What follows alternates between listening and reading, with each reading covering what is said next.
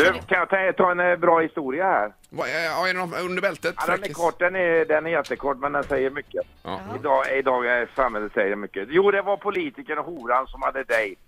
Och efter några glas vin så tänkte politikern att det var lite förtroligt. Han sa till horan att ja, jag tillhörde faktiskt de ärliga politikerna på min tid.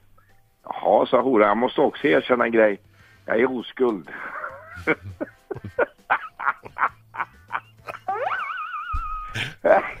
ja, den är bra. Ja, nej, men god jul Bert då! God jul. Det fattade ni. Det var jävla...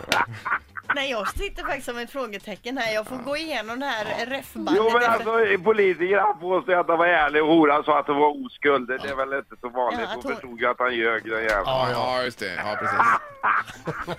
Ja, men god jul i alla fall Bert! Ja, hej, hej. Ring ibland. Ja, hej, härligt. Hej då. Lycka till. Ja. Mm, Okej. Ett poddtips från Podplay. I fallen jag aldrig glömmer djupdyker Hasse Aro i arbetet bakom några av Sveriges mest uppseendeväckande brottsutredningar. Går vi in med hemlig telefonavlyssning och, och då upplever vi att vi får en total förändring av hans beteende. Vad är det som händer nu? Vem är det som läcker? Och så säger han att jag är kriminell, jag har varit kriminell i hela mitt liv men att mörda ett barn, där går min gräns. Nya säsongen av Fallen jag aldrig glömmer på Podplay.